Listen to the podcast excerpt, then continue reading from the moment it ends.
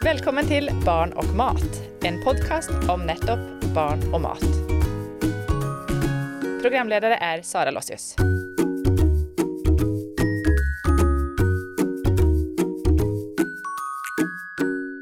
Hvordan påvirker maten tarmfloraen til babyer, småbarn og oss voksne? Hva slags mat er bra å starte med når babyen begynner med fast føde, og hva er lurt å unngå? Hva med allergener som gluten og nøtter?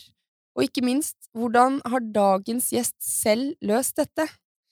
I dag har vi nemlig med oss Carina Saunders, som er lege og forsker på tarmflora. Hun er forfatter av Ventetid, en svangerskapsbok som hun selv har illustrert, og den er kjempefin.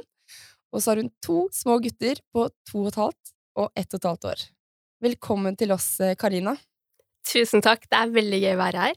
Du skal gi oss svar på spørsmålene jeg stilte innledningsvis, og mange andre, men vi må begynne med det grunnleggende. Hva er tarmflora?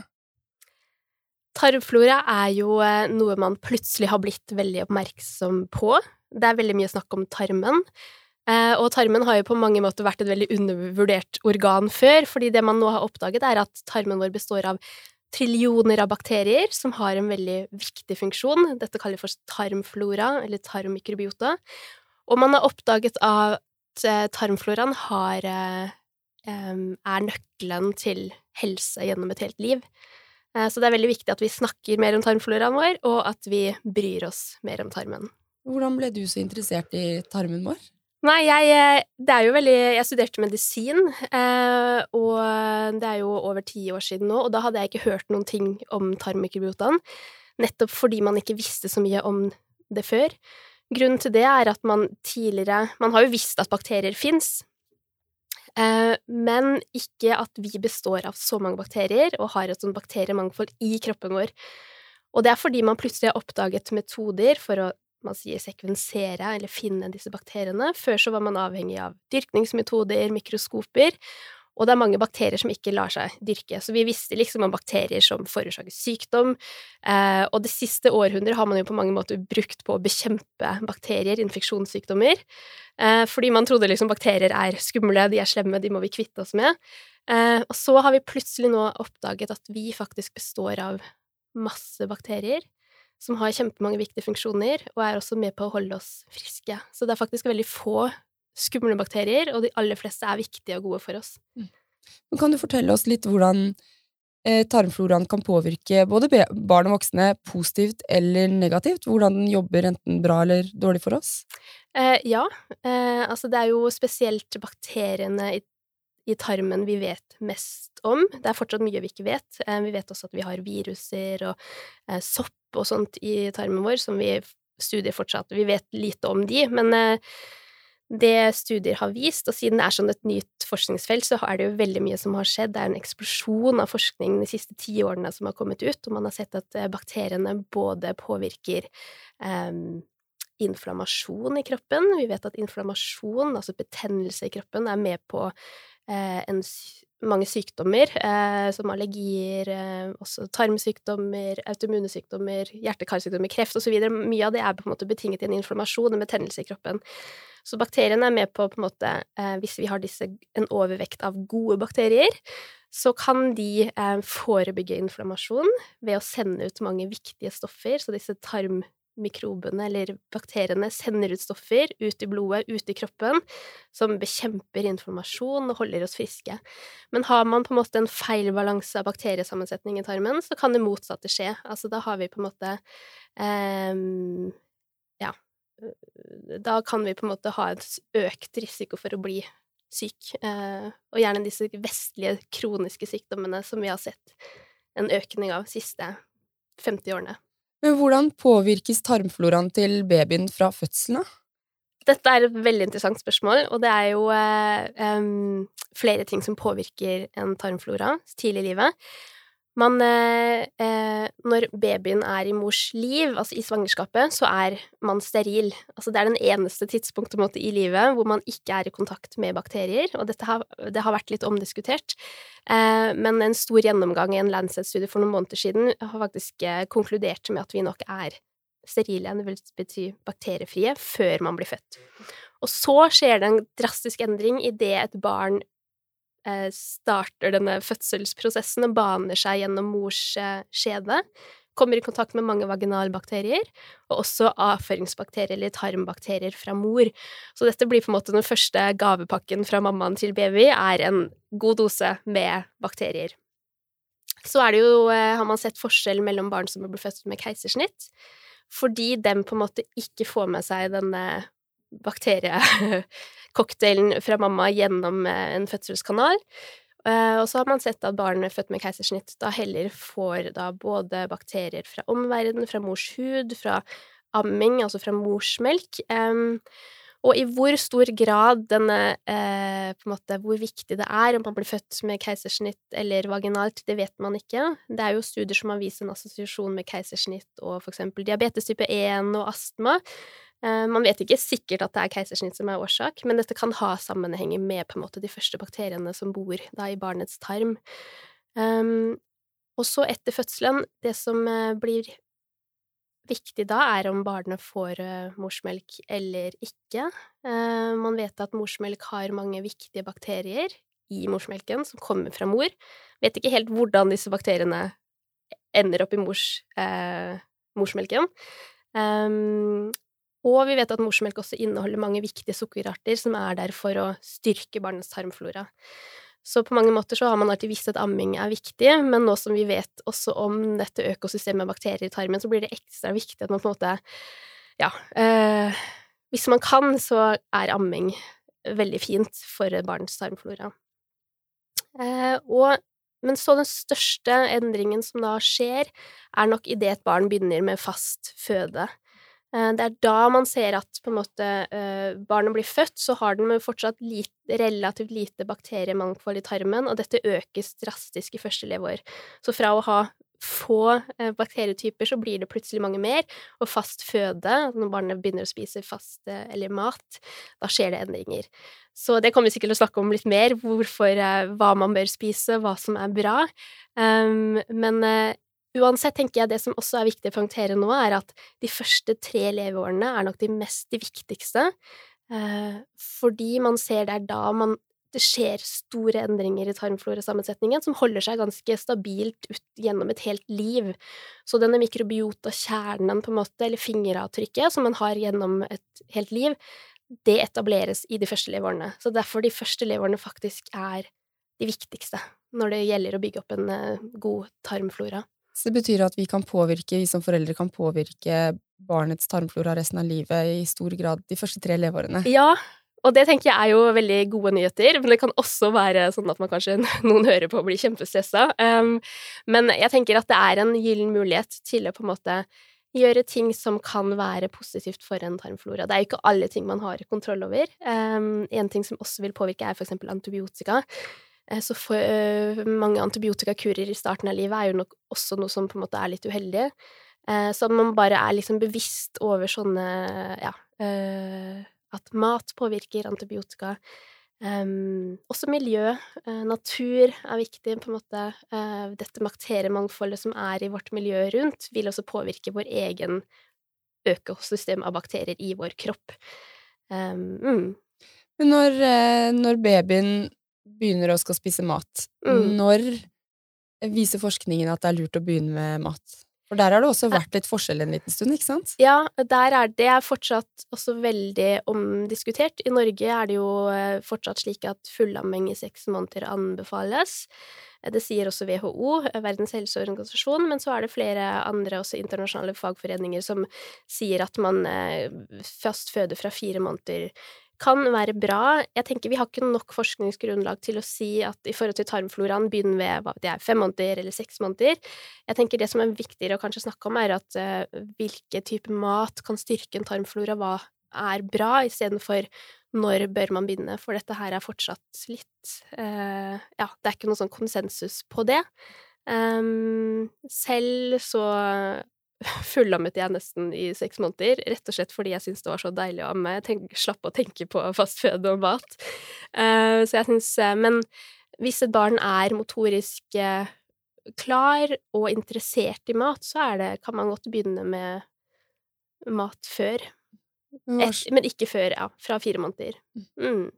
Men maten man da skal introdusere, har en påvirkning, ikke sant? Hva, hva vil du anbefale på bakgrunn av det du vet? Eh, generelt, og dette gjelder både voksne og barn, så vet vi at det som på en måte er bra eh, for tarmen og tarmfloraen vår, er et kosthold som er rikt eh, Ja, eller som inneholder mange forskjellige fiberkilder som man finner i frukt og grønnsaker, kornprodukter, nøtter og frø, så alt all maten som på en måte kan dyrkes, eh, altså som eh, inneholder fiber. Um, og vi er nok kanskje ikke så gode på det, eh, å tenke variasjon, at man spiser en rekke forskjellige eh, på en måte plantemat som inneholder gode typer fiber. Fordi man har sett Før så trodde man fiber var et slags avfallsprodukt i maten som man ikke trenger, men eh, nå har forskningen vist at fiber er den delen av plantemat som går ufordøyd ned i tykktarmen, og så nærer alle de trillionene av bakteriene som bor der.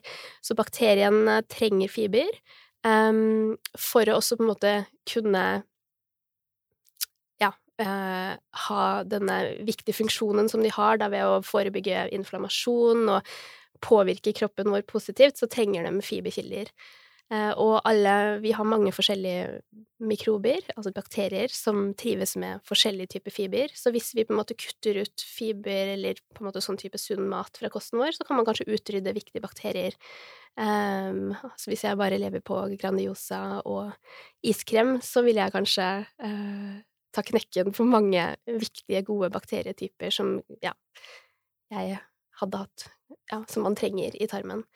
Uh, også når det, Nå er det jo ikke akkurat sånn at babyer kanskje spiser Grandiosa og is, men jeg tror nok også at man kunne ha større fokus hos barn som begynner med fast føde, at hvordan kan jeg eh, gi barnet forskjellig type grønnsaker, frukt Men allergener, sånn som peanøtter, egg, gluten, hvordan kan man introdusere det best mulig?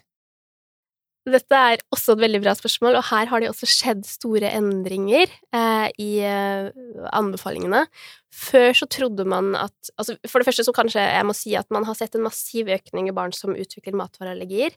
Det er en, virkelig en eksplosjon av barn som hvor foreldrene for eksempel ikke har matvareallergi, så utvikler barnet det likevel. Så vi vet at her er det ikke gener som bestemmer, her er det noe skjedd noe i vårt miljø, i vår mikrobiota, som gjør at mange flere barn får allergier. Um, og her, i studien som jeg har vært involvert i, i Prevent Adal-studien, uh, har vi publisert egentlig veldig spennende funn om at tidlig introduksjon av disse allergenene Når vi snakker om allergener, så er det gjerne de som uh, er kjent for å forårsake allergi, som peanøtt og egg, som du nevnte.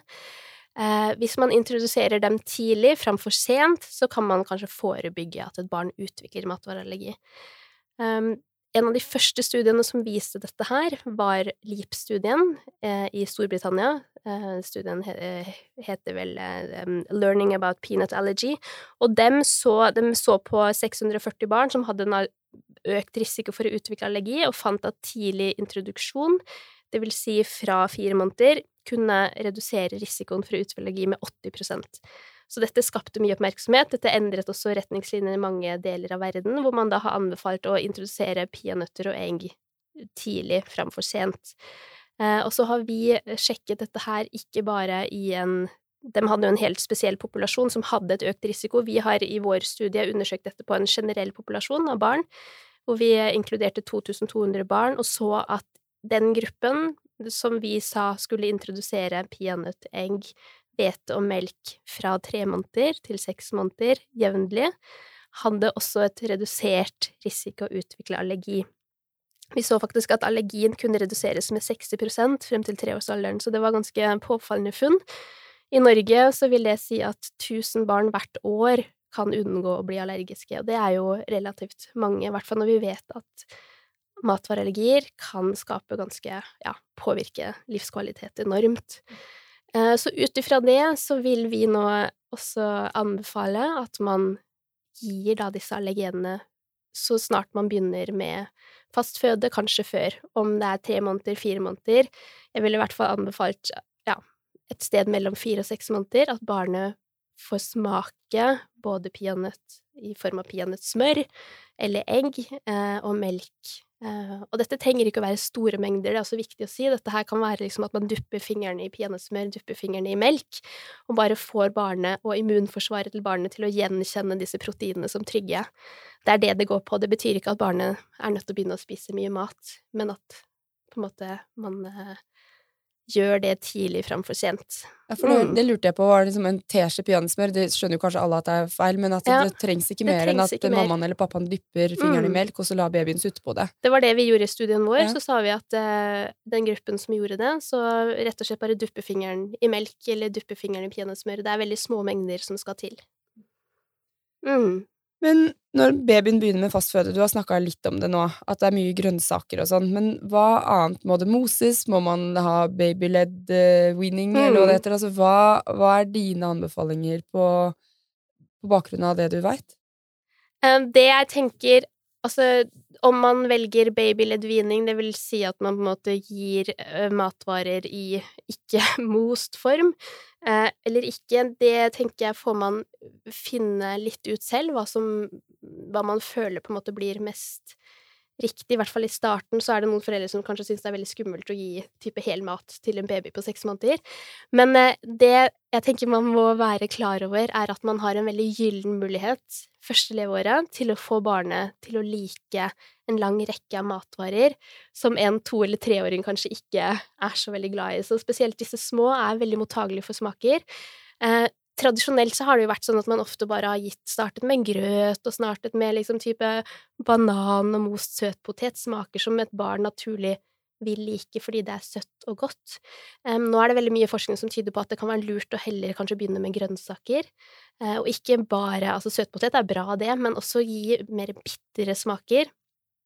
Uh, for både for tarmfloraens skyld, for tarmen liker forskjellige typer fiberkilder, men også fordi studier har vist at hvis man begynner tidlig eh, og gir disse typer tingene, så er sjansen mye større at barn også vil spise disse type grønnsakene senere i livet. Så jeg ville anbefalt å prøve forskjellige ting, la barnet smake forskjellige ting. Eh, om man så koker eller stimer eh, ja, alt fra brokkoli til eh, squash eller eh, aubergine, ikke sant, alle disse kule grønnsakene som man kanskje tradisjonelt ikke har gitt babyer. Prøv det. Eh, og ja. Men her snakker du mye om råvarer. Kan ja. du si litt om råvarebasert versus ferdigmat? Om det har noen betydning for oss?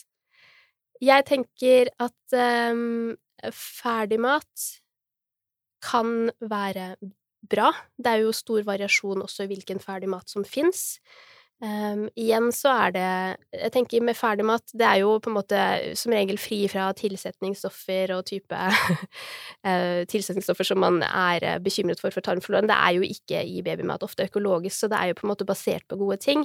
Men um, for det første så er det relativt lite variasjon. Konsistensen er alltid lik, ofte veldig pyrert. Så det å la barn smake på råvarer har også noe å gjøre med både smaksprofilene, men også på en måte det å ha litt forskjellig konsistens kan være bra. Um, så jeg tenker ferdigmat uh, er ok, men jeg ville unngått å bare bare bruke ferdigmat. Og som sagt, det er veldig variasjon i hva som fins. Det er babymat som er bedre enn annen babymat. Uh, jeg ville unngått også bruke for mye kanskje sånne smoothieposer som er bare basert på frukt, fordi det kan bli veldig søtt. Uh, det kan bli også unødvendig mye kalorier på kort tid, og for mye, på en måte, sukker eh, til sammen. Så jeg eh, Jeg er ikke en av dem som sier man skal ikke bruke ferdigmat, og det kan være praktisk, og det kan være lurt. Eh, men hvis man velger ferdigmat, så vil jeg også sett at man bruker den type ferdigmat som også inneholder for eksempel en større andel grønnsaker enn bare frukt. Men du, altså alle som har hatt små barn, vet jo at det kan være rimelig hektisk, og du ja. har jo to veldig tette barn. Ja. Og jobber som lege og har skrevet bok og i det hele tatt mange jern i ilden. Hvordan har du selv løst dette her underveis, det med barnemat? Eh, nei, jeg har jo kanskje fra starten av vent barna til å spise mye av den samme maten jeg spiser. Det er jo selvfølgelig litt tilpasninger når de er under et år, for de skal ikke ha så mye salt, eller i like mye som uh, oss voksne. Uh, men uh, i stor grad så har de spist det samme jeg har spist. Eh, så jeg har prøvd å liksom ikke bruke Ja, for det er jeg vet veldig godt fra egen erfaring at det tar tid, det tar krefter, men det å på en måte finne lure løsninger Fryse ned babymat, lage en større batch, og så fryse ned. Bare koke opp eller stime litt forskjellige grønnsaker. Det trenger ikke å ta så lang tid. På morgenen så har jeg som regel lagd ferdig, eller um, laget, hjemmelaget grøt, uh, og så prøver å uh, variere korntyper, om det er quinoa, havre, uh, bygg um, bokhvete. Det er mange forskjellige korntyper som kan være bra, så jeg ville jo egentlig også eh, anbefalt ikke bare å bruke industrifremstilt mat, fordi igjen, her har man mye av det samme, samme struktur, tekstur, eh, samme smaker, så det å på en måte også variere frokost Det trenger ikke å ta lang tid, det trenger ikke å være så veldig komplisert, eh, og finne måter som på en måte gjør livet litt enklere ved å fryse ned litt ekstra, eller ja, det kan være lurt. Men Karina, for de som lytter, hva tenker du er det viktigste å ta med seg fra samtalen vår? Det viktigste, tenker jeg, er at man øh, øh, har skjønt at tarmfloraen vår er viktig, men at man også ser på dette som en fantastisk mulighet å påvirke en tarmflora tidlig i livet, uten at det skal føles så veldig anstrengt eller som press. Det er jo mange ting man ikke har helt kontroll over, akkurat som meg. Jeg har født to barn med uventa keisersnitt. Eh, og det er jo ikke sånn at ok, nå er på en måte eh, Nå fikk barnet en dårlig start, nå er det min skyld hvis han minste har jo fått atopisk eksem og forskjellige ting. Eh, men jeg går ikke og kjenner på en følelse at dette er min skyld, men jeg prøver likevel å se hvordan kan jeg påvirke tarmfloraen eh, og helsen deres positivt ved mat. maten de får, og at man har man en baby som skal begynne med fastføde, at man er klar over denne smaksvindu, som vi ofte kaller at man benytter seg av det når barna fortsatt er litt mer ikke fullt så kresne som kanskje en to- eller treåring. At man eh, ser på dette som en litt sånn, ja Rett og slett gøy å på en måte utforske forskjellige typer mat eh, som kan eh, styrke en tarm og et immunforsvar i utvikling.